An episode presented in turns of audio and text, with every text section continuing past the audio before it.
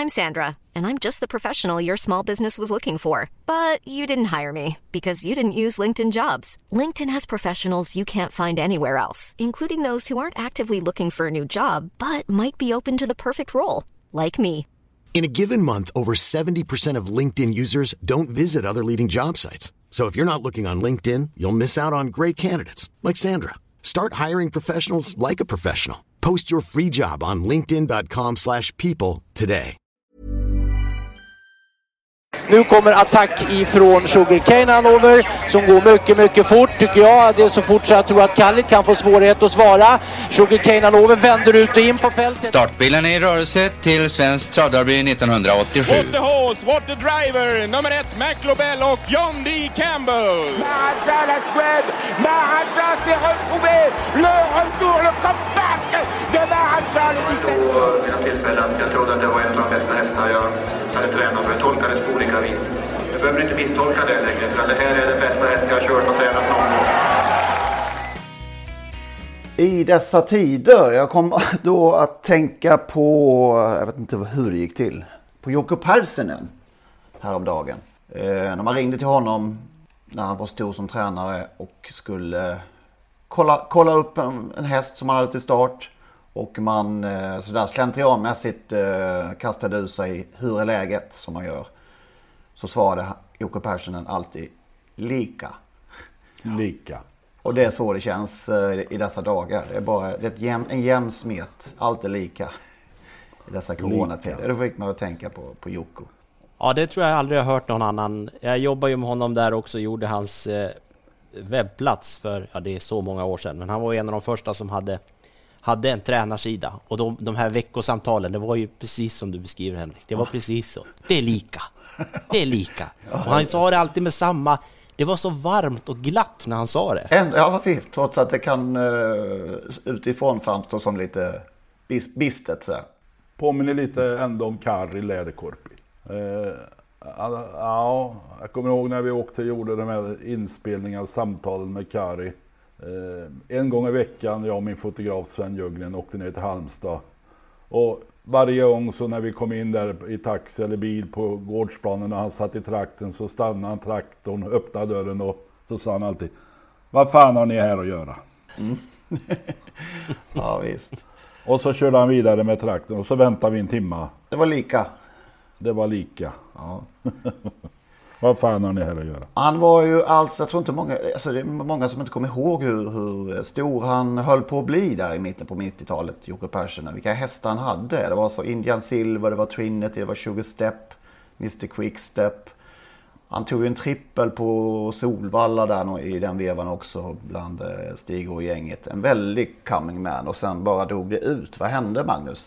Ja, man kan undra. Jag, jag hade ju mycket kontakt med honom där och jag... Dels så gick det ju väldigt fort uppåt. Sen vet jag ju inte, men han var ju...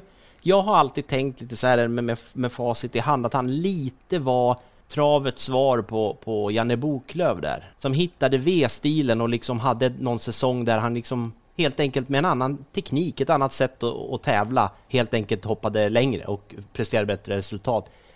Jocko var ju väldigt tidig med det här med pulsmätare och jobbade mycket med puls. Och det har ju kommit in mycket starkare i, inom travsporten och även inom, inom eh, vad det säger, Per Nordström säger, humanidrotten. Även vi människor är ju väldigt mycket mer fokuserade på pulsen när vi tränar. Eh, Alltså, alltså. och jag, jag, jag vet inte det här? Jag, det här är ju en otroligt egen teori naturligtvis. Det kanske fanns andra parametrar kring det här också, kring, kring Joko, men, men eh, jag tror lite grann där att, att de andra också hann ikapp honom. Eh, Vad gör han idag? Vad gör Jocko idag? Han lämnade in licensen för två eller tre år sedan. Så jag, tror inte han har någonting med officiellt med travsporten att göra i alla fall. Så jag vet inte faktiskt. Någon vet. Någon vet. Och eh, hoppas att han mår bra. För att jag läste en artikel 2010. Eh, där han beskrev hur, hur han var vid den här tiden. Vill man bli bäst finns ingen tid för något annat. Man måste tävla varje dag och helst vinna varje dag. Jag jobbade 16-17 timmar om dagen, sju dagar i veckan. Sov tre timmar per natt. Jag blev folkilsken, grinig och sådan är jag inte egentligen. Jag är en pigg, glad och pratsam person. Det kostar på ju. Om man ska hålla sig där uppe. Det är kanske det vi ser i dessa dagar när det är så irriterat i, som vi tycker oss eh, notera. Vi pratade om det för ett par veckor sedan har jag för mig. Att, att, att oron i travsporten sprider sig och eh, normalt sansade människor reagerar på märkliga sätt. Eh, till och med mitt i loppen eller i alla fall i starten av loppen. Eh, som Berg där viftar med armen där. Eh, liksom, som man inte ser i travsporten normalt.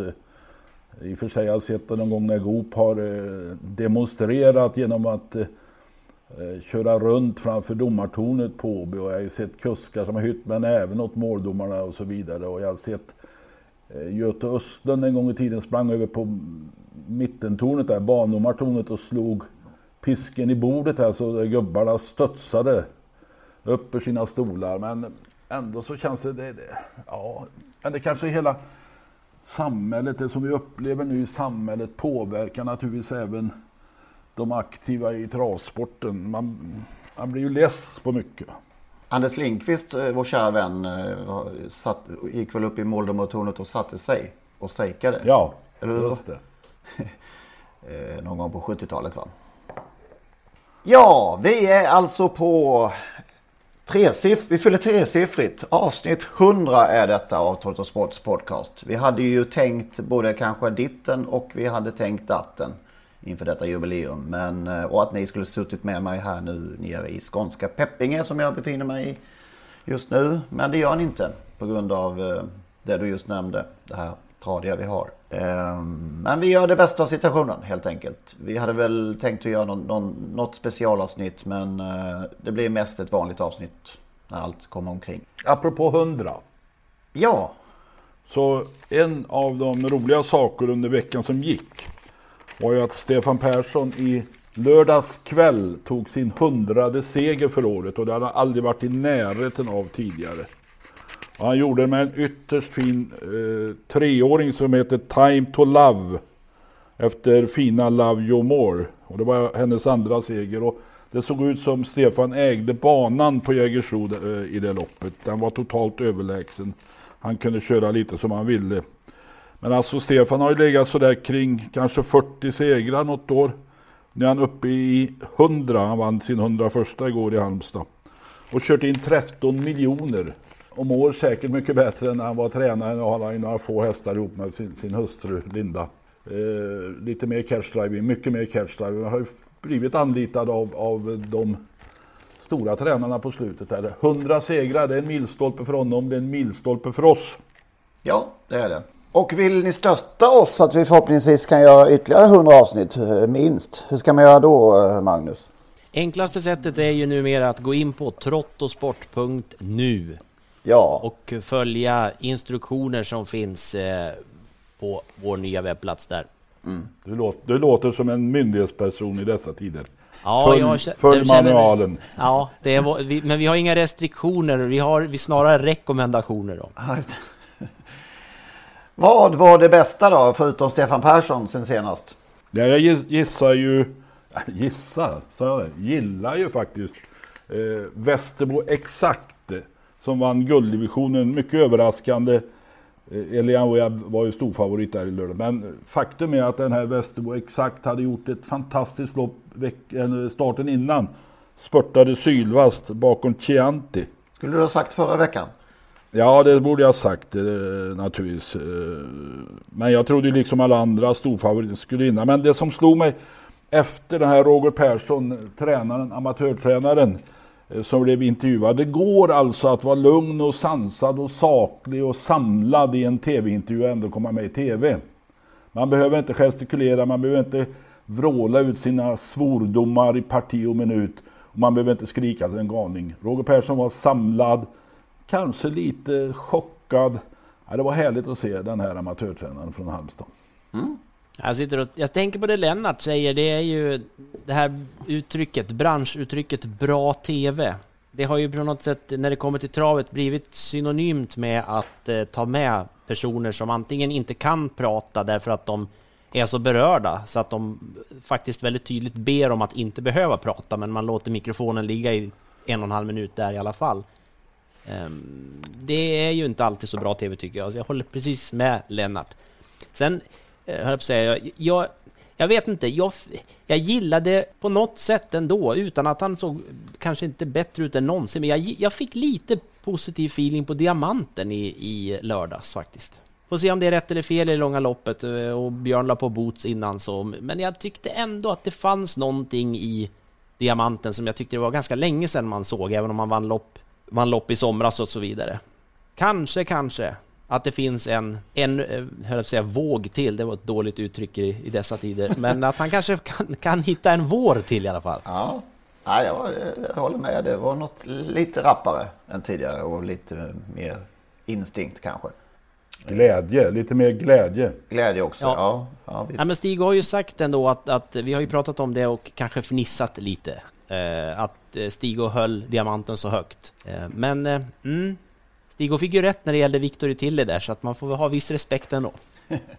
Vi får se vad som händer. Men jag, jag, skulle säga det, i dessa tider av grått novemberväder och sådär så, så... Sen ser man ju mycket nere i, i Frankrike, vad heter det, som eh, Lennart twittrade ut snabbt där om Sobel Conways av, fantastiska avslutning eh, i loppet i söndags till exempel. Det, det, det är många små grejer som man blir lite nöjd av ändå. Mm. Just nu. Jag blev lite nöjd av Mats, Mats Nilsson, huvudstart på Jägersro. Det var uppiggande tycker jag. Då. Som svarade upp mot Robertsbergs eh, våldsamma attack. Eh, att, att kuska på den här nivån måste kunna rätta in sig i volten. Alla andra utom Robert Berg klarade av det. Eh, på sin malmöitiska. Jag hade gärna hört lite, hört lite mer av, av det. Av det. Ja men sicken gnällaröv. Vi får inte glömma Per Nordströms framgångar i upp, svensk uppföljningslöpning. Eh, hästar som dessutom såg väldigt fina ut. Eh, och det är uppenbart att Nordström har tagit ett steg som, han har alltid varit en ungdomstränare men frågan är om han inte tagit ytterligare ett steg nu. Mm. Fullkomligt dominant nu på eh, Jägersro. I den eh, Ja, det som Collini hade ensamrätt på förut. Det ja, men exakt. Ja. Nordström ensamrätt på.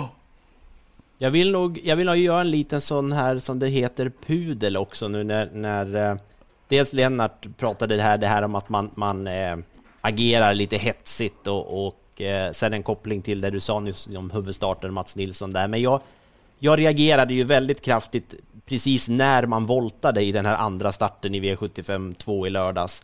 Eh, när, när Berg viftade med sin näve och så skrev jag en tweet om att vad är det som händer andra veckan i rad, skrev jag. Och det där handlade ju för mig om att jag trodde ju, man hade ju i tv-sändningen gått ut och sagt att efter V751 hade ju Jorma pratat om att de inte hörde startkommandona. Det blåste så mycket och de, de, fick, de hörde inte startkommandona. Och det var det jag trodde när, när Berg började vifta så trodde jag att han inte hörde någonting så han inte visste vad som hände. Sen när man fick höra vad han gnällde på och man fick se de här repriserna i tv så är det väl inte jättelätt kanske att, att förstå den ilskan. Så att jag får backa lite där. Det var Många trodde som du att, att, att det var en, en ytterligare en reaktion på att det hördes för dåligt. Eh, men det var ju uppenbart inte det, det vet vi nu. Sen ja. Jor, Jorma behöver ju inte höra några kommandoord, han, han, han kör ändå. Va? Det. jag menar, springspår, jag, jag vänder och kör. ja. Så det, alltså den där kritiken, om det nu var någon kritik, den, den lät märklig. Och det där diesel, dieselbilen han hade där, den, det spelar ingen roll om det är kommando, den öppnade ju långsamt och han körde till ledning efter en stund och så var det slut. Ja, det kan man verkligen säga. Det var verkligen över när han hade kommit till ledningen där. Mm.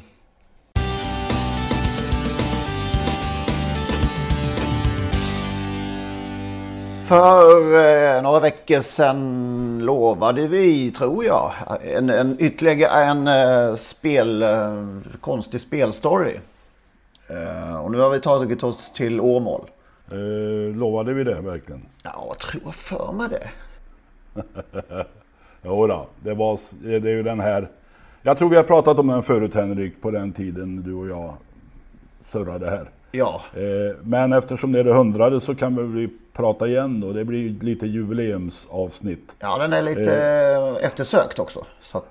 Okej, okay. den 11 januari 1979 jag jobbade då på Skaraborgs läns tidning. Det var mitt sista år där. Så blev Adir, travhästen Adir oplacerad i ett lopp på Axel. Tre dagar senare så lastades han på hästkärran igen av sin amatörtränare och delägare eh, Eh, för en tur till Åmål. Eh, det var dags för en ny start. Men Adil fanns inte med i programmet. Han var inte anmäld till start. Men han fick åka dit och starta i en, i en annan hästs namn. Stallkompisen Bäst Assedal var hästen som skulle starta. Och det där, så det var inte helt omöjligt att den här Toto-cupen kunde gått igenom, så äh, det som blev en Toto-cup. De var ganska lika de där hästarna. Sju år, bruna, hade en vit stjärn i pannan. Med på den där turen till Åmål var även fruarna till kuskens amatörtränare och kusk och delägare.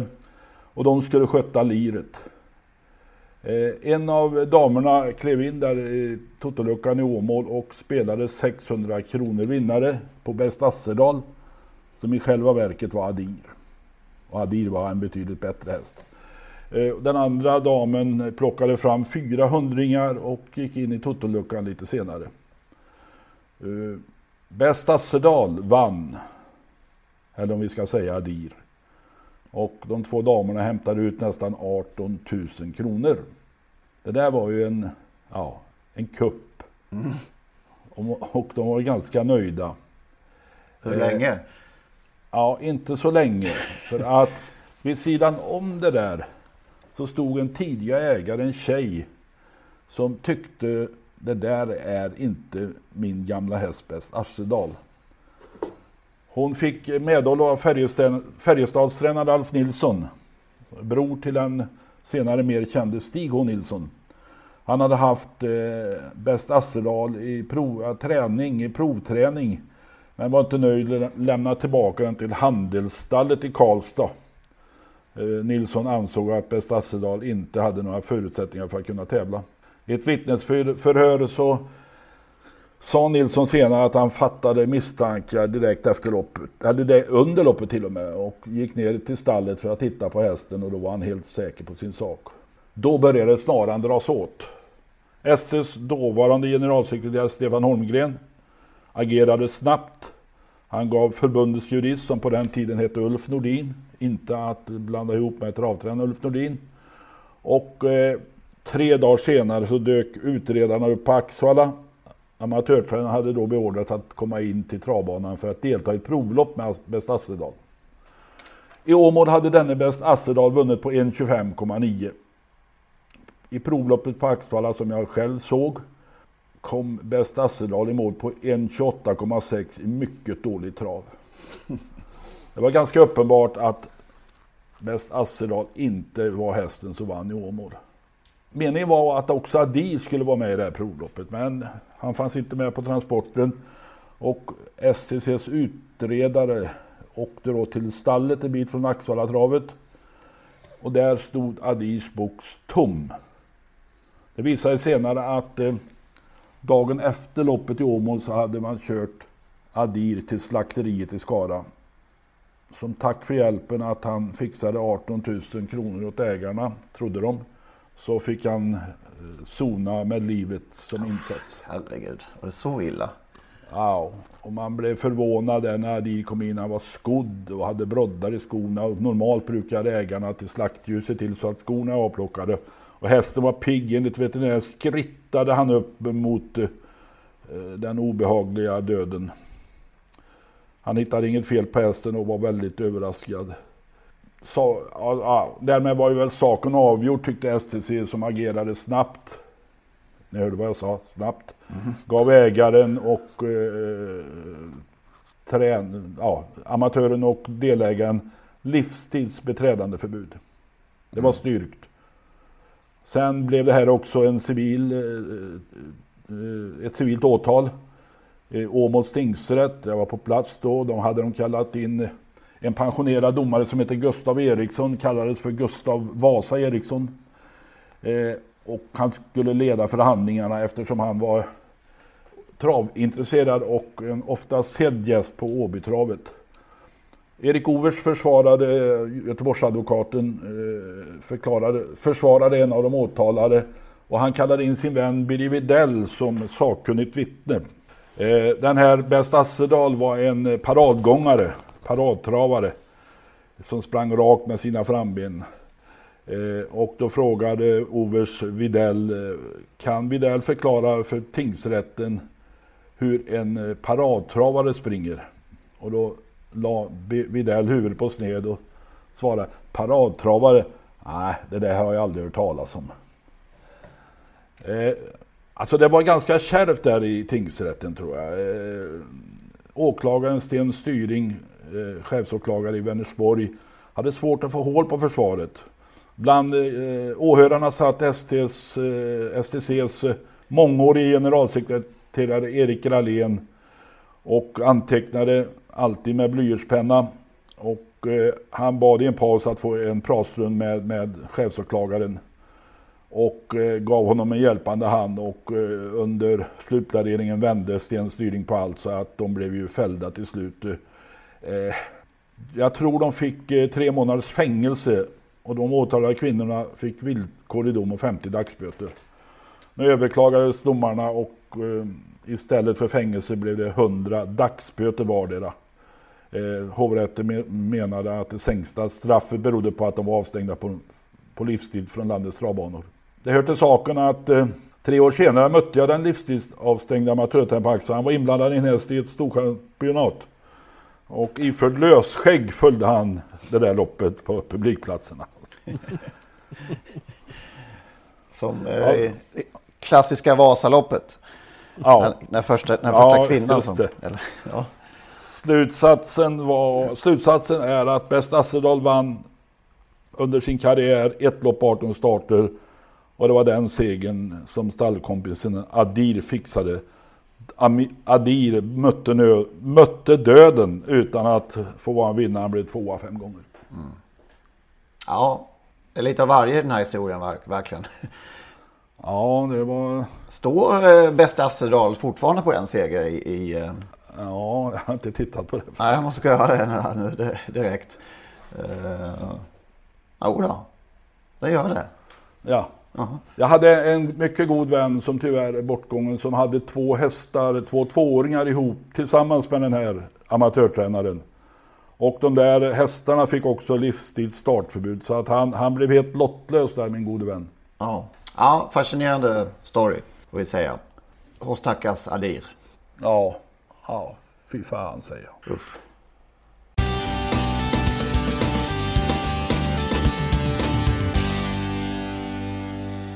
På tal om en kortis här, på tal om domare och regler och tok eh, höll jag på att säga. Vi har uppmärksammats på något i veckan här. Eh, distansering togs ju bort för några år sedan. 2016 nämligen. Men hur ser det ut likväl i, i reglementet? Ja, vi, det var ju faktiskt vår trogne lyssnare Strappa igen här som, som uppmärksammade mig på att, att eh, man tog ju som sagt bort det här tills, till eh, 2016 var det väl, men i tävlingsreglementet som, som gäller för 2020 så står det mycket tydligt och klart under paragraf 67 vad som gäller kring distansering. Så att i reglementet har vi fortfarande distansering. Men, och vad eh, betyder det? Det betyder att man ska komma i mål, är det 20, det här har man kunnat tidigare, men jag har ju slutat komma ihåg det eftersom inte jag trodde det gällde, men det är 20 hästar som inkommer på en totaltid mer än 20 sekunder efter vinnaren ska distanseras. Och det innebar väl också att då kunde man inte få prispengar va? Eh, om jag minns rätt. Men den där 500-lappen som är införd, den får man även om man... Ja, nu... Det, ja. Distanseringsregeln är, har kommit tillbaka, eller hur? Jag vet ju inte, ja precis, jag, jag har inte gått tillbaka och tittat i, i de reglement, om den så att säga infördes igen då, eh, och det har vi säkert några lyssnare som har koll på i sådana fall, eller om SD har missat att ta bort den, eller om det är kopplat kan... till någon spelform som, som införts, till exempel kanske Top 7, jag vet inte. Ja, det kan man ju tro. Alltså, det skulle mycket väl kunna hända i Top 7 att, att eh, ett antal hästar blir distanserade, galopperar tidigt, och då finns det ingen sjunde häst. Det står så här ska jag säga då i, ehm, i formuleringen, den sista punkten är under paragraf 67 så står det distanseringsreglerna gäller inte heller för häst som inkommer på plats i totalisatorspelet. Nej, men eh, sjunde plats. Mm. Det måste, ju, det måste ha hänt då när man införde Top 7 när man tog bort den här distanseringsregeln. Ja, någon vet säkert. Jag har inte tänkt på det. Nej, det var Strappa som, som har lusläst reglerna, eh, reglementet och hittade den här lilla, lilla diskrepansen. Vi får väl se som sagt om det är någon som vet. Och då eh, kan väl du en mailadress Henrik? Va? Du är bäst på att komma ihåg vår mailadress. Fast jag säger ju fel varenda gång. Podcast, ja du ser, podcast.trottosport.gmail.com jag tror, ja, jag tror att vi kanske kommer att, att hitta lättare e-postadress framöver. Du? Så att vi kanske ska ha två för enkelhetens skull. Ja, just det. Ja, då har vi eh, rätt ut det, eller om vi inte har gjort det, om distansering. Jag tror vi får prata längre än vanligt om varje häst eh, på bokstäverna den här veckan eftersom vi har kommit fram till två ganska knepiga. Så att vi fyller ut segmentet ändå. W och X är vi alltså framme vid. Ja, i alla fall en av dem var väldigt, var väldigt knepig. Vad har vi? Vad vi? Vem vill börja? Idag vill ingen börja. Kör du på W, Magnus? Ja, jag, jag har... Alltså W är ju säkert... Det här, här känner jag ju att det här är säkert lättare... Det här är nog lättare än, jag, än man tror. Eller alla andra kanske tycker att det är så givet här, men jag... I mitt huvud, har, jag fick upp två hästar. Den ena har vi pratat om flera gånger, eh, Wire Tapper. Som jag tycker är ett av de coolare hästnamn som, som har funnits. Mm, verkligen. Elitlopps 2 1977. Ja, och, eh, ja, och man har ju möjlighet att också kunna se Wiretapper i alla fall i ett lopp där som finns ifrån från USA där. Det är häftigt att se. Gamla travare, svartvita travare. Sen... Eh, Får jag säga om Wiretapper? Ja. ja. Han eh, köptes ju av Sören Nordin, var nästintill utdömd som treåring där i USA. Eh, och Sören Rydin var väl där på uppdrag av någon hästägare som backade ur så Sören fick ju ta hand om ägarskapet själv. Men Wiretapper är ju då, kan man kanske eh, översätta som telefonavlyssnare eller något sånt där va. Och mm. eh, namngavs ju då under Watergate-skandalen i, i USA. Precis. Och sen så en häst till där som, som poppade upp, det var Window V.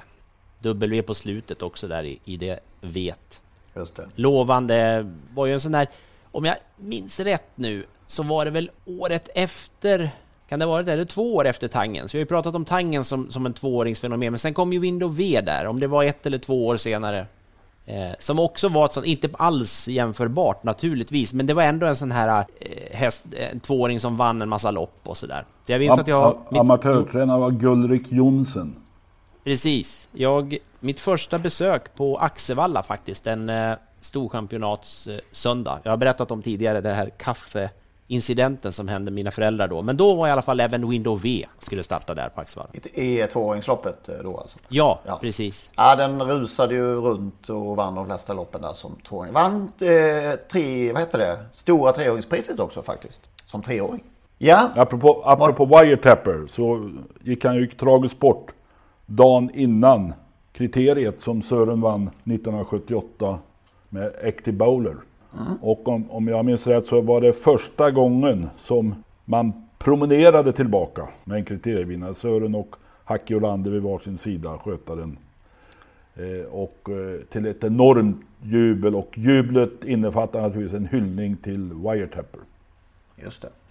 Eh, vi pratade om Virana förra veckan med enkelt V. En av hennes döttrar hette Winda Spin, född 1975. Eh, och eh, det var en lysande fin häst som vann 27 lopp. Tyvärr skadade hon sig illa ganska tidigt i karriären. Eh, jag tror till och med hon bröt ett ben, men hon överlevde det där och fick ju fina hästar i, i, som mamma. Little Brown Jug vann 14 lopp och vann det första sto-SM. Sprang in nästan 600 000.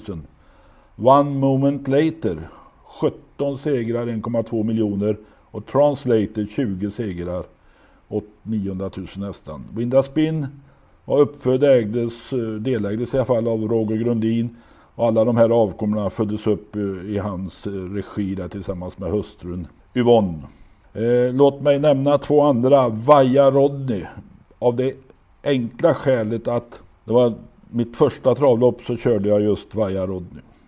Oj. Eh, ja, ser man på. Tvåa blev jag. Fick stryka av Lilleman Forsberg förstås i ett journalistlopp på Axvalla. Jag vill också nämna Vava Kinney eh, av det skälet att eh, hon startade i Örebro ett lärlingslopp med Hans Nyman och vi åkte dit för att vi trodde hon skulle vinna. Och jag lyckades, eller ja, avstod, eh, ja, nästan bedrägeri var det, ett, ett barnrop till en, en av mina, ett av mina syskons dotter skulle döpas. Men jag skyllde på något och tog mig till Örebro och spelade Vavakini som var först en enda gång i loppet och det var den sista centimetern in på mållinjen. Förlåten tycker jag. Är, är, är barndop, det eh, svär man ju i alla kyrkor som finns här, men är det kanske det mest färglösa som finns? Ja, ja jag tyckte väl så. Om jag fick välja på Vavakini och barndopet så valde jag Vavakini. Men, ja. ja, jag kunde inte hålla mig där. Ja, ehm, ja och det är allt. Ja. ja. Då har du sparat några i alla fall då. Ja. Faktiskt. Nej men eh, det här fina stoet eh, Wild Honey är ju eh, ganska färskt också. Får vi en, en sen häst. Absolut. Ja. Eh, Cannon Lam till trots. Det var ju en så härlig travare och eh, det kunde blivit så mycket mer också. Det var ju en underbar häst faktiskt. Velino Boko. Eh, I det klassiska derbyt från 2007 kan det ha varit det? Dålig koll på ja, dem. Någonstans, någonstans där. Nej, det kanske, stod, var, kanske var senare. Velino jag stod Boko. tillsammans med eh, Stig och Johansson då, som tränade på inneplan. Och det var ganska hårt i mål, det var väldigt hårt. Jag, jag, jag hade förhoppning att, att Velino Boko hade avgjort det där. Det var en mycket god vän till mig som ägde hästen. Eh, men eh, Stig sa fan och så gick han. Så då förstod jag att han hade förlorat. eh, en annan derbyhäst en gång i tiden, Vibrantus. Först utanför, ja. pengar. Först utanför pengarna i derbyt som Big Spender vann eh, före Mac Knife 1985. Och, och, lite hårt diskad i Sprintermästaren. Ja, ja kungakannan va? Nej, Sprintermästarens försök. Va? Men han var också... Mot Kallit. Jag så, så igår nämligen, och blev förvånad för jag minns det inte, eh, att han var diskad för trängning inkommen som tvåa i just kungapokalen som Rebyr vann det här året. Ja. Minns ni detta? Nej. Nej. Däremot så blev han diskad i ett försök, uh, orättfärdigt diskad tyckte jag då i alla fall. Ja. I Sprintermästaren. Mycket diskade åt förträngning helt enkelt. Eh, workaholic Ja, Workaholic tänkte jag på. Ja. Eh, och så en som eh, mitten på 80-talet där när det inte kom så mycket bra amerikanare till Elitloppet. Det var ju mycket flera år i rad där det var surr om att eh, de var ingenting att ha de här. Innan då Mac kom eh, 1988. Men eh, jag minns det så väl eh, i det här 1985 Elitloppet i tröstfinalen. Eh, de visar mycket stor begränsning de amerikanska hästarna. Även Wally Arne är trött nu här och det har inte varit något tempo alls. Säger Bosse Blomqvist där i, i um, tröstfinalen som Martiné vann. Wally Arne eh, var med i Hamiltonien i alla fall och, och upp, uppenbart då i Elitloppet 1985. Ja, det var det hela. Då går vi till X.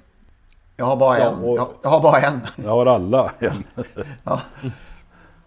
Varsågoda. Ja, eh, nej, jag misstänker vilken du tar Lennart så att jag lyckades plocka fram en annan. Ett litet hyfsat fint sto som heter Exquisite Chocolate.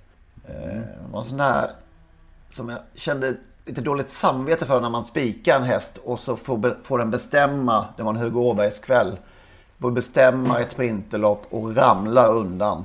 Om man, om man har spikat och man känner nej, det var inte ens kul liksom. Det var lite som uh, Opulent Tile i uh, lördags.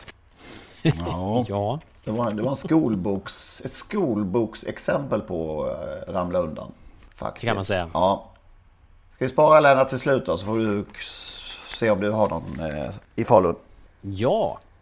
Alltså det är ju märkligt ändå att, att det var X var en av de lättaste för mig. Och jag kan inte, det ska vi, jag ska ta hjälp av lyssnarna bara lite grann, därför att jag, en del grejer fattar jag inte varför jag ens minns. Eh, men Expedia Knick, eh, Oaks 3 2017 tror jag, eh, vann ett av uttagningsloppen till Oaks och sprang in en dryg miljon. Det är en ganska färsk X-häst. Sen Xerxes Aggerup. Ja, oh, just det. Den är ju... Ja. Vem hade väl, den? Ja, Olle, hade, Olle Goop hade den ju på slutet, eh, eller inte på slutet, i, i mitten någonstans, men, men eh, den började hos eh, Anneli Mårtensson.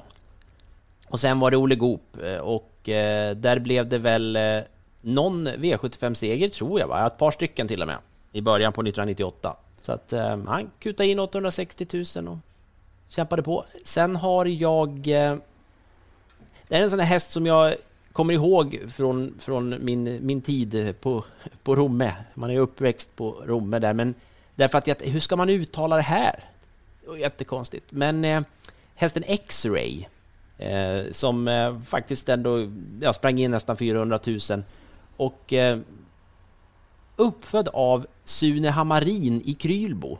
Också ett namn, ganska, ett, ett sånt där som, som man upplevde förekom ofta på så här uppfödarsidan. Man tänkte ah, Sune Hammarin och så. Men när man går in och kollar så Sune Hammarin han står som uppfödare på sex hästar. Okay. Och, och däribland då så Mr Fastek. Nu pratar vi hästar på M här då, men Mr Fastek en, som nästan sprang in i en miljon. Var sån här stammis på Romme Rättvik. Och sen Lövgårdens Vilma.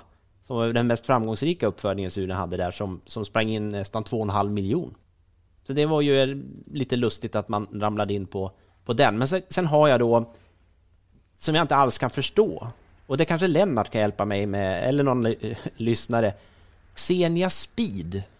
Det var den första hästen jag kom på. Det bara så kan jag komma på någon häst på X? Xenia Speed, men när jag går in och tittar på Xenia Speed så jag, det går inte att hitta någon fakta bakåt, eh, annat än att, att eh, hon sprang in 189 000 och vann 10 lopp.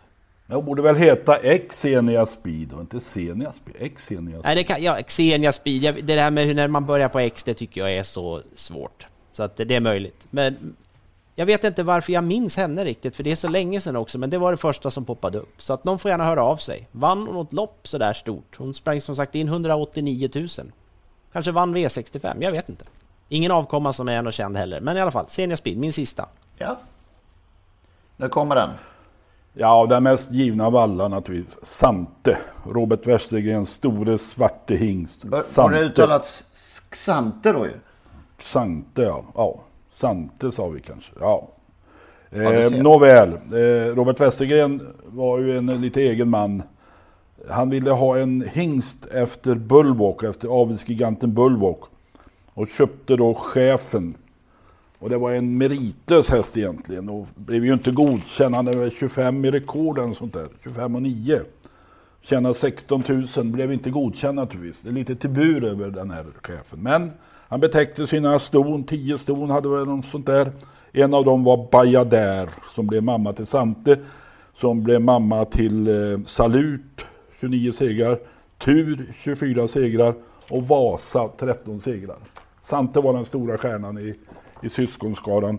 Han vann 52 lopp. Eh, gjorde 272 starter enligt statistiken men eh, det ska man ta med en nypa salt för det var många hitlopp på den där tiden och ibland fick han springa tre gånger samma dag. Eh, han vann bland annat silverhästen tre gånger i rad. Och det var väldigt viktigt. Silverhästen är väl nu på lördag? Just det, ska vi prata om lite senare. Ja, det var väldigt viktigt att vinna tre år i rad. För då fick man det ståtliga vandringspriset och det ville Robban till varje pris ha. Ah, okay. han, körde, ja, han körde själv första gången eh, eh till seger. Satte upp Bernt Lindstedt andra gången. Och så skulle han vinna tre år på raken och vem skulle då köra? Jo, då valde Robban Nisse Sundin. Alltså, och jag, jag, jag måste säga, jag minns det där. Jag hörde på radio nämligen. De direktrefererade detta lopp på radion, kan ni förstå? 1967, jag var 17 år. Och jag kommer ihåg hur dramatiskt det var när Nisse Sundin tog ledningen så pullade han upp i svängarna sa kommentatorn. Och så drog han på, på rakorna. det var ju ganska klokt. Och hästen vann då sin tredje raka seger. Eh, hur många Elitlopp då? Sju tror jag va? Sju Elitlopp var med. Han debuterade som treåring med vinst på Solvalla. Yngve Eriksson körde. Han vann som 12-åring sitt sista lopp på Jägersro amatörlopp. Bosse Liljegren körde. Alltså 26 olika kuskar körde Sante. Men min, mest minns jag ändå en förlust. Det är typiskt. 1967. Färjestads jubileumslopp. Skilje hit. Ja, va- ja, ska, vi gå, ska vi verkligen gå dit? Jo, det är jubileum så det ska vi. Lillma och Ylvan. Är det jubileum så är det. Får jag ta en till på när jag ändå... Det tycker jag. Sante Per. Den har ni aldrig hört talas om. Nej. Ex Sante Per. Han hade Sante som morfar. Men han kom aldrig till start. Ja, härligt. Då, då var det V och W och X. Då är det Y och Z nästa, nästa gång va? Ja, det är, om vi ska gå efter alfabetets ordning så har du alldeles rätt i detta. Mm, då kommer det kanske vackraste hästnamnet jag vet. Ah, vilken teaser. Ja. visar en mycket, mycket klar begränsning i de amerikanska hästarna. Även Wally Örn är trött här. Det har ju inte varit något tempo alls. Du var inne på Silverhästen och det körs ju två anrika lopp eh, till helgen på, på Solvalla. Vi ska lyssna lite på ett Solvalla Grand Prix från förr här. De är iväg snabbt ut. Ett superplay med två The Onion på utsidan. Sedan kommer fem Oker Rogue och sex Evita Broline. In i första sväng med sex i vita Broline i ledningen följd av ett superplay invändigt sen två The Onion. The Onion har fem Okie på utsidan som invändigt följs av tre Sussi Håleryd. I andra spår sen fyra Solohagen. Därefter har vi åtta Speedogax och sju Martinet. På väg in på upploppet i några längders ledning, sex i vita Broline. Invändigt kommer sen två The Onion. Det är sex i vita Broline som närmar sig två The Onion och ett Superplay. Det är fortfarande sex i vita Broline följt av två The Onion och ett Superplay. Vilken, vilken upplaga! Det är lite i, oerhört i skymundan. Solvalla Grand Prix 1983 ja, i vita Broline. Eh, Alltså segrade före bland annat Dionion. Otrolig, otroliga hästar. Det är som Ja. ett elit, det är Elitloppet ju. Det är Elitloppet 1984 Ja nästan. visst, ja. Men det är det alltså, på, på, fredag är det. Alltså det, det är ofattbart för mig. Undanskuffat eh, Man till kör fredag kväll. travets elitserie. Det platsar inte i travets elitserie. Vilken otrolig upplaga det är också. Ja, och vilka hästar alltså. Och så det placerar man utanför V75-spelet dagen innan på kvällen. Hur fanken tänker de? Nej, Det fanns väl någon, någon slags tanke med, inför säsongen då med publik och så här. De, de, en del har ju vurmat för fredagskvällar. Men jag vet inte. Som det är nu så blir det ju, det blir ju totalt, totalt iskallt. Vi har ju vetat under lång tid att vi inte skulle, eller att travet som alla andra inte skulle kunna ha någon publik. Då borde man väl ändå tänkt om och lagt det här loppet på lördag. Men Ja, det är faktiskt- det är faktiskt- I synnerhet nu när man ser startlistan. Det är ju alltså att placera Power och, och, och uh, Ecuride och Magnus häst, Brother Bill utanför kupong, eller utanför V75. Det är ju tjänst. Ja, det är, Ja, nej, det är hemskt faktiskt. Aitos Kronos också är med. Och, Ja. och det här fina stoet My Lady Grace och Clickbait. Och, ja, det är otroligt faktiskt. Eh, Men vad har vi Ecuride då för dagen? Ja, han såg inte helt perfekt ut i Norge senast. Hade lite problem med kurvorna. Vann ju ändå ganska enkelt. Men Och hackade då på Vincennes till slut i gången innan. Ja, han är inte den där eh, lysande, skinande stjärnan som i somras. Eh, han, han, han har inte varit i sina senaste starter. Och säsongen blir väl allt längre men de är väl fortfarande inne på att starta i Kriterium Continental. Och därför vill man nu testa honom då på Solvalla. Ja, mm. Och så fick han bakspår dessutom. Ja. Jag tycker det är knepigt med Ecuride därför att jag tycker nog inte att, att alltså jag tycker ju Ecuride är en fantastisk häst, det har jag väl sagt så många gånger, men samtidigt så har han inte sällan tycker jag ändå haft en tendens att kanske inte se så där hundraprocentig ut i sitt rörelsemönster, men han har, han har ju ändå varit fantastiskt bra.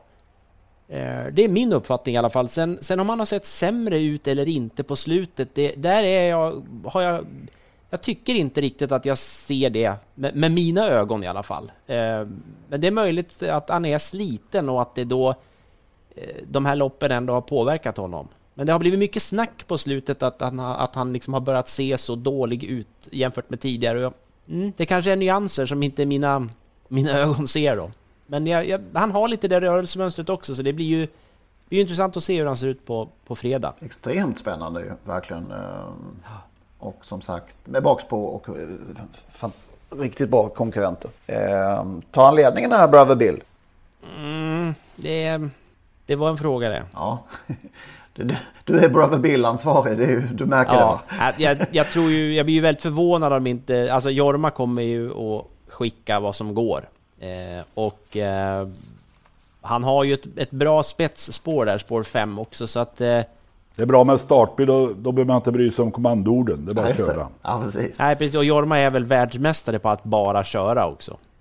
Där har han väl ingen konkurrens. Det är det han har gjort i 50 år snart. Kör. Eh, ja, spännande blir det. Vad var det jag, vi pratade i veckan nu, vad sa vi om Jorma? Jag läste något om Jorma. Han hade vunnit över 200 lopp. Ja, det var hans. Eh, hustru Päivi som la ut eh, lite stolt då. Och det förstår man ju. Eh, vunnit över 200 lopp i sedan, ja det var i 33, 33 år 33. i rad. Vad höll han på med innan? Ja, det kan man ju undra. Ja, vilken otrolig segerlista det är alltså i, i uh, Solvalla Grand Prix. Börjar där från Evita Broline. Året efter vann Viroid, Hansi V, Indus, Atastar L, Francesca Star 1988. Vilket... Oh. Kalle Halvar. Ja, vilken, vilken och jag, häst. Det måste jag, jag måste ta, flika in en eftersom vi säger att det är ett jubileum. Så. När, när jag gick i nionde klass, då fick vi ett gäng nya eh, klasskamrater. Vi var en ganska liten klass jämfört med alla andra och hade varit i hela grundskolan. Men då fick vi alla nya. Och bland annat fick vi in en kille som vi döpte då, som man gjorde sådär, man gjorde det enkelt för sig. Han kom från Norrland, så han blev norrlänningen.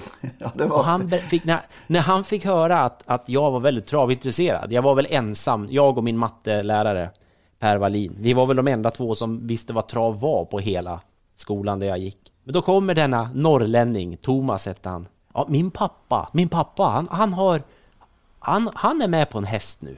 Jaha, vad heter den? Ja, den heter... Den, heter den, den har inte startat än, men, men den heter Francesca Star. Nej. Sa han. Och, det, och då tänkte jag, ja, ja, man visste folk är med hästar och så vidare. Men ja, ja, sen kom ju Francesca Star igång och blev en rätt så bra häst. Gud, det var ja. norrlänningens pappa som var med på det. Otroligt läcker, läcker stor. Men fortsätt här. Atlas Fighter L, Bowspirit, Union Shark, Anders Crown, Skopiad, Sugin, Mr Spender, Gentle Star, Jupiter Hornline, Kodak, Victor Tilly, BVT Magic, Abanoas. Jag kan hålla på hur länge som helst. Vilken segerlista det är alltså. Har ni någon favorit?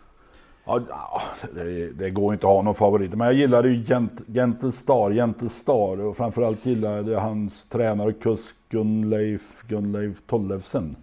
Jag var hälsade mm. på honom någon gång, jag tror han höll till i Trondheim inför något Åby Stora och sånt där. Jag fick åka med på flakvagn där. Han tränade någon häst, några hästar efter en, framför en flakvagn.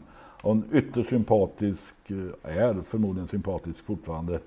Och, och eh, jordnära norrman som tyvärr inte hade den där framgången i Elitloppet som man hade önskat honom. Jag minns eh, 1998 väldigt väl. Eh, Sune Nilsson, Masen. Med, som mm. vann ganska överlägset till slut med sin eh, Kodak. Eh, Just det. Skällde där och det var ett härligt lopp. Har du någon, eh, något speciellt minne Magnus? Det var två saker som slog mig. Dels så det här första priset nu som på, på fredag och är 300 000. Det har, inte, har det varit så mycket mer än det någon gång? Alltså med tanke på pris... Ja, det har varit uppe på en halv miljon har det varit uppe på i många. Ja, det är så ja. Ja, för jag tänker att det är sådana otroligt bra hästar genom åren och när man ser det nu att det är inom citationstecken då bara 300 000. 1999 eh, höjde de till 500 000 och så sänkte de plötsligt 2013 då till 400 och eh, i fjol gick de ner till 300. Mm, det är ett lopp man inte vårdar då. Det kom bra hästar ändå. Mm. Men det som slog mig, det, det, var så många bra hästar som Lennart sa, men Hansi V. Ja. Häst på H. Alltså, man, den hade jag ju tappat också. Fylking. Ja. Oj. Mm. Det var... En häst jag gillade mycket men, men eh, den tappade man bort. Och konung Karl XVI Gustavs silverhäst då också går ju på lördag. Eh, också många fina vinnare genom åren. Vi har hittat en bild på när konungen var på plats 1983. Kan vi lägga ut. Eh... Imposant! Ja! Vann före Mastodont och Rodney Express. Det var en tung förlust, mastodont. Ja. Har han varit på plats efter det? Undrade vi, den gode konungen. Ja, du får ta kontakt med hovets presschef. Ja, just det. Jag tror Jag faktiskt vet inte inte. det. Jag har sett honom på någon bild med Stig och Johansson i stallet. Det kanske var det året. Han, han kanske bara varit på Solvalla en gång, den gode konungen. Jag tror att han var på det här famngalan också. Ja, men det var ju 82 va? Eller var det 83? Famn? Ja, Ja, någonstans där. ja men det var inte samma tävlingsdag. Det kanske det var. Ja, jo men det tror jag att det var. Carola och hela den här jätte-Remi Nilsson-grejen där. Hans... eh, Det får man väl ändå säga, hans stora triumf. Han har gjort mycket bra, men det var en häftig grej. Gustav V var en betydligt, eh, betydligt eh, frekvent eh, gäst på Åbytravet. Han hade ju någon sommarställe där på Särö och åkte gärna till Åby så blev det ju då kungapokalen. När jag flyttade till Göteborg 1980 till GP så var det en toalett där. Alltså vi hade ont om toaletter där på gästrum och pressrum. Och det var en toalett som alltid var stängd. Alltid sån här röd liten halvmåne. Och efter något år där så frågade jag varför den där toaletten stängd. Det kan inte sitta en snubbe där alltid. Nej, då fick jag det svar att det är konungens egen toalett. Ja, men han är väl aldrig här. Nej, men det är Gustav Vs toalett och den har stått oöppnad sedan han eh, lämnade Åby för sista gången. Sen, sen han gick ut för sista gången. Alltså. Vinner då Verry Kronos den här upplagan på lördag? Han har väl också fått bakspår som Mm. Ecurydé. Jag kommer nog eh, att... En av de hästar jag tänkte ta i, i V7, V75 genom, genomgången den här veckan är faktiskt Saren Fas. Mm. Som jag, eh, som jag gillar och eh, som jag skäms lite över att jag eh, tappade bort lite grann här när, när han vann på Örebro. Det var lite slarvigt. Satt fast senast. Har ju en ruggig trudelutt till slut den här. Och det kan nog kanske bli kört lite så att det kan passa Saren Fas. Så att jag tycker det är den roliga idén i det här loppet. För att eh, som sagt, Verry Kronos hamnade ju bakom From the Mine och Cyber Lane som väl ska slåss om ledningen här. Och sen ska Erik bestämma sig för när han ska gå. Då.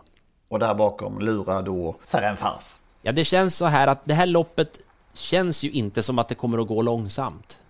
På något sätt, antingen bestämmer sig Johan, om det nu är så, han som tar ledningen, eh, det är ju inte säkert naturligtvis, men att, att det gäller att hålla tempo och inte låta Verry Kronos komma fram för enkelt. Och då är det Saren Fas. Maybe. Spännande. Vad har du mer då? Ja, jag sparade medvetet. Jag, jag mörkade lite där när jag sa att det var så otroligt svårt på W. Men det finns ju en riktig favorit, eh, Wild Love. Just det. Eh, och hon, hon är med nu i Baroness Karsks lopp som är finalen i stoeliten där, första V75. Eh, hon är, har ju varit fantastiskt bra länge nu och eh, jag tycker hon är jätteintressant i ett lopp. Så det kommer nog bli rätt så jämnspelat här och man, mm, jag tycker det är spännande att ta ställning och bestämma sig för en häst i det här loppet. Annars ska man nog ha tre, fyra, kanske till och med fem. Eh, Så att eh, Wild Love tycker jag är riktigt rolig. Eh, och eh, generellt i omgången så är det ju några rätt så kommer vi att få se några stora favoriter där med Global Agreement, Peter Untersteiners hästar i, i V75 2. Eh, Och senare kommer ju också Seismic Wave. Men jag, och sen också en annan stor favorit, men det, det tycker jag är, är omgångens spik ändå. Oavsett hur stor favorit hon till slut blir, men Timo Nurmos eh, fyraåriga sto Chicharita i V75 4. Vilket intryck det är på den hästen alltså. Där är det bara att köra för Jorma också. Han ska bara se till så att det, det inte blir någon gunga från början, sen är det bara att åka. Startgalopp som på fyra är ganska givet. Ja, det, det är Lennart varnar. Ja. Nej, men hon verkar förnuftig den här. Ja, men fyra jag. med det, nej, nej, det där tror jag inte på. Bara, bara fyra hästar på volten. Ja, hon har ändå på fyra. Ja, ja det, det är sant.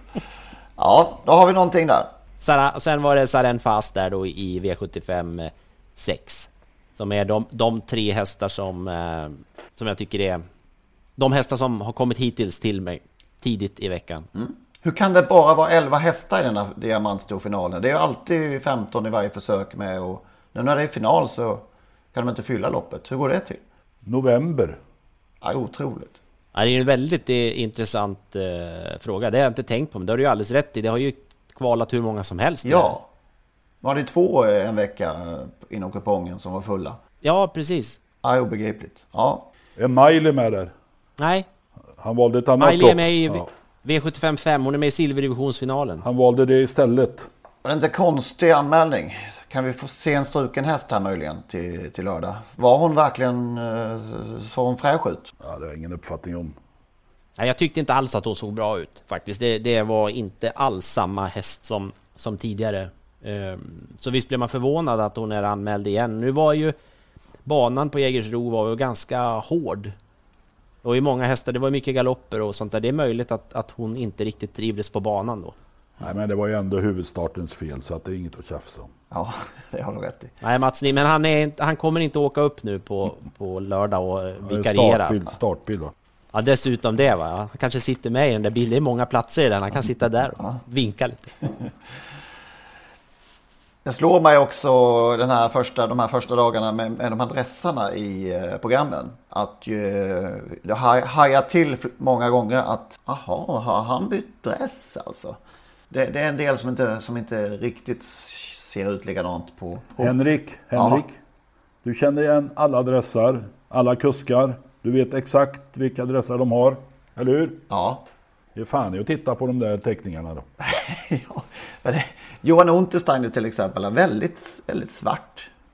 Det står dessutom att han har en svart dress som grundfärg. Det är också konstigt. Ja, det är ju konstigt. Ja. Eh, Joakim Löfgren eh, såg jag en, i princip hade en röd dre- dress med lite blåa inslag. Tänkte jag att nu har han en ny dress men nej, han ju sin. Ja, jag läste någon som eh, klagade på det där också. Att tecknarna hade haft en dålig dag. Eller... Ja, vissa har Det är de väl haft. ingen tecknare kanske. Nej. Det är inte en färgblind som har fått den där uppgiften, för då, Oh. då blir det jobbigt. Ja, ja det var... Det blir, ja, det blir ju extra jobbigt också nu, om de nu ska hålla på att ändra på de här kuskdressar och allting. Om, om man då inte... Jag måste lyfta in det här nu. Eh, Jag reagerade i onsdags när jag satt och hade eh, ATG-sändningen på och tittade lite på V86 om jag skulle spela eller inte och så vidare. Och hör, hör bara ljudet ifrån TVn och referatet ifrån Bergsåker. Och det rabblas bara en massa hästnamn. I, liksom bara hästnamn, inga nummer. Och jag tänkte, men vad är det jag hör? Och så tittar jag, då var det ju lopp fyra som pågick på Bergsåker. Och um, referenten Patrik Wickman valde i det loppet att, att helt sluta att säga numren plötsligt. Och det var, det var inget bra. In på upploppet sen blev det en strid mellan två face-hästar som båda börjar på U. Unlimited och Unarmed Face. Och han nämnde dem där om vartannat och hade man inte förstått vem som var vem innan där så var det omöjligt att veta vem som var först över mål. Eh, och då kan man tycka då att ja, den som är insatt fattar väl ändå, behöver väl inte höra några nummer, men jag tycker att man ska göra travet så tillgängligt det går ändå. Det är ju svårt att hänga med i travlopp, även om den här grafiken finns eh, tillgänglig, som ju funkar oftast. Men det där tycker jag är, eh, jag tycker det är på något sätt ändå grundläggande att man nämner nummer och häst. Inte bara nummer, det tycker jag är att av avsportifiera, det ska man inte göra. Men nummer och häst tycker jag absolut att det ska nämnas. Vi skickar den passningen till Patrik Wickman helt enkelt. Det gör vi. Här kommer en eh, känd vignett.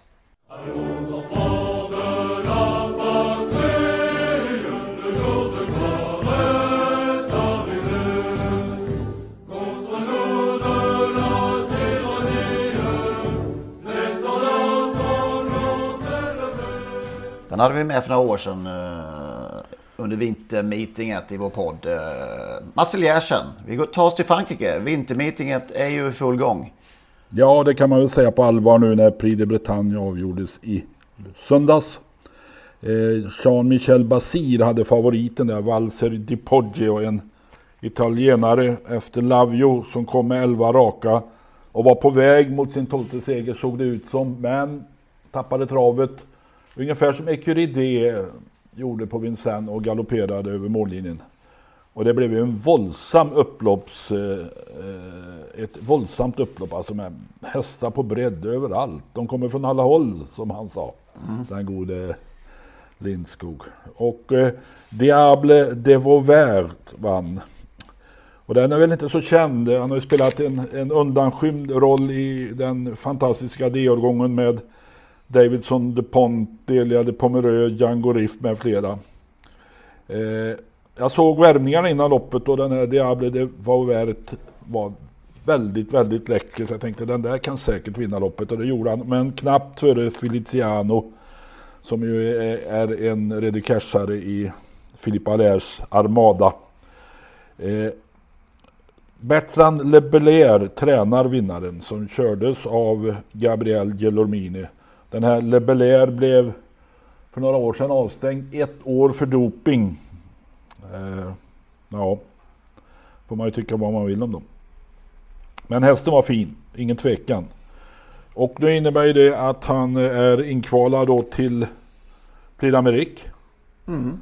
De tre första går ju dit så att de kan börja satsa på det loppet. Mm. En annan sak från Vincennes var ju att eh, Ferrari BR som man trodde hade gjort sitt mer eller mindre. Ja, det, var- vi sa vi ju redan när vi när eh, vi fick reda på att han skulle gå ner till Jean-Michel Bachir att han kommer vinna i, i lopp snart. Och det gjorde han i sin tredje start för Basir. Så vann han då på 10-9. Tjänar väl 200 000 kronor, svenska kronor någonting. Så att eh, han, är, han har vaknat till liv. Men hästen i loppet var utan tvekan Sobel Conway som från sitt bakspår eh, hamnade omöjligt till. Fick backa sig sist invändigt, tråckla sig ut och hade väl hur långt som helst fram när upploppet började och spurtade våldsamt längst ut i banan. Och den här eh, som, hästen som ägs i alla fall delvis av Kari Lederkorpi har på två månader i, eh, i Basis regi tjänat en halv miljon. Och det han visade i söndags tycker jag tyder på att han kommer tjäna ytterligare ganska mycket pengar. Alltså, ibland är det som att det inte spelar någon roll hur man kör på den där jävla banan eller hur, hur loppen går till. Jag menar, han, han är hängande i 07 fart från början. Ja. Och, och, och, tvingas alltså dra oss sist i princip och, och, och sen kan ändå tro- trolla fram den här spurten. Ja, det är obegripligt. Obegripligt. Million Dollar Rhyme var med i måndags. Och eh, Erik Raffin körde ungefär som gången innan, lite chansartat. Eh, ville inte vara allt för mycket ute i spåren. Och den här gången så fanns det ingen öppning, han blev fast. Det är svårt att bedöma hur mycket krafter han har kvar. Jag måste säga att han blev märkligt nog eh, favorit där i det loppet. Konstigt kört överhuvudtaget lopp. Det var, där var det inget tempo att tala Nej. om. Så att, eh, Och chansen, Ja, men det var en väldigt märklig styrning ändå. Han, han valde ju inte bara att köra försiktigt i andra spår. Han gick ju till och med ner på innerspår där och, och samtidigt, det kändes ju ändå lite uppgivet. ja, men samtidigt hade han startat bara några dagar innan. Alltså man får nog vara rädd om de ska överleva en vinter på Vincennes. Kanske var Nej, ett litet... ehm, ja, det var det konstigt eftersom han då var favorit. Men eh, det kanske var ett litet preparerlopp inplanerat. Ja, ja, det vet jag inte, men det blev ett preparerlopp. Alltså när man såg vinnaren där också kunde man konstatera att det var i alla fall fel favorit i loppet. Ja. Den där Kalina var ju, det, det var, han tryckte på en knapp Basil bara. Ja, Det var helt otroligt. Det är inte jätteofta man ser någon, en häst som sitter ute i spåren och sen bara tjopp. Ja, Basirknappen. Ja, det var... Magnus, finns det inte någon Bamse-referens i där? Att man trycker på något? Eller bara dra i något? Dra i ett snöre? Nej, det var en blåste i... Man blåste ju i visslan, det var väl tåget Ah, som det lät var det tror jag. kanske. Eh, och då hade de med sig en visselpipa som hade samma, Ja, det. samma signal. Han blåste i pipan, eh, Basil. Så, så var det. Ha, inget jubileumsavsnitt, men ett lite längre, göttigare kanske. Vi fick till. Så äh, återkommer vi med avsnitt 101 om en vecka. Har vi något mer, något mer budskap att, att förtälja innan vi Tvätta händerna. tvättar händerna, håller avstånd och Ha det så gott det går då. på? Ja. Vad han hette sa i, i den här sketchen i Nöjesmassaken, Peter Niklasson, eh, var han, nej det var han som var, han var ju bisittare, det var Sven Melander som var programledare, han sa krama varandra i trafiken. ja, just det. det. Det, är väl, det är väl där vi kan kramas kanske. Ja, just det. Så gör vi. Avsnitt 100 är över. Ja. In på trottosport.nu så hörs vi. Hej, hej. Hej då!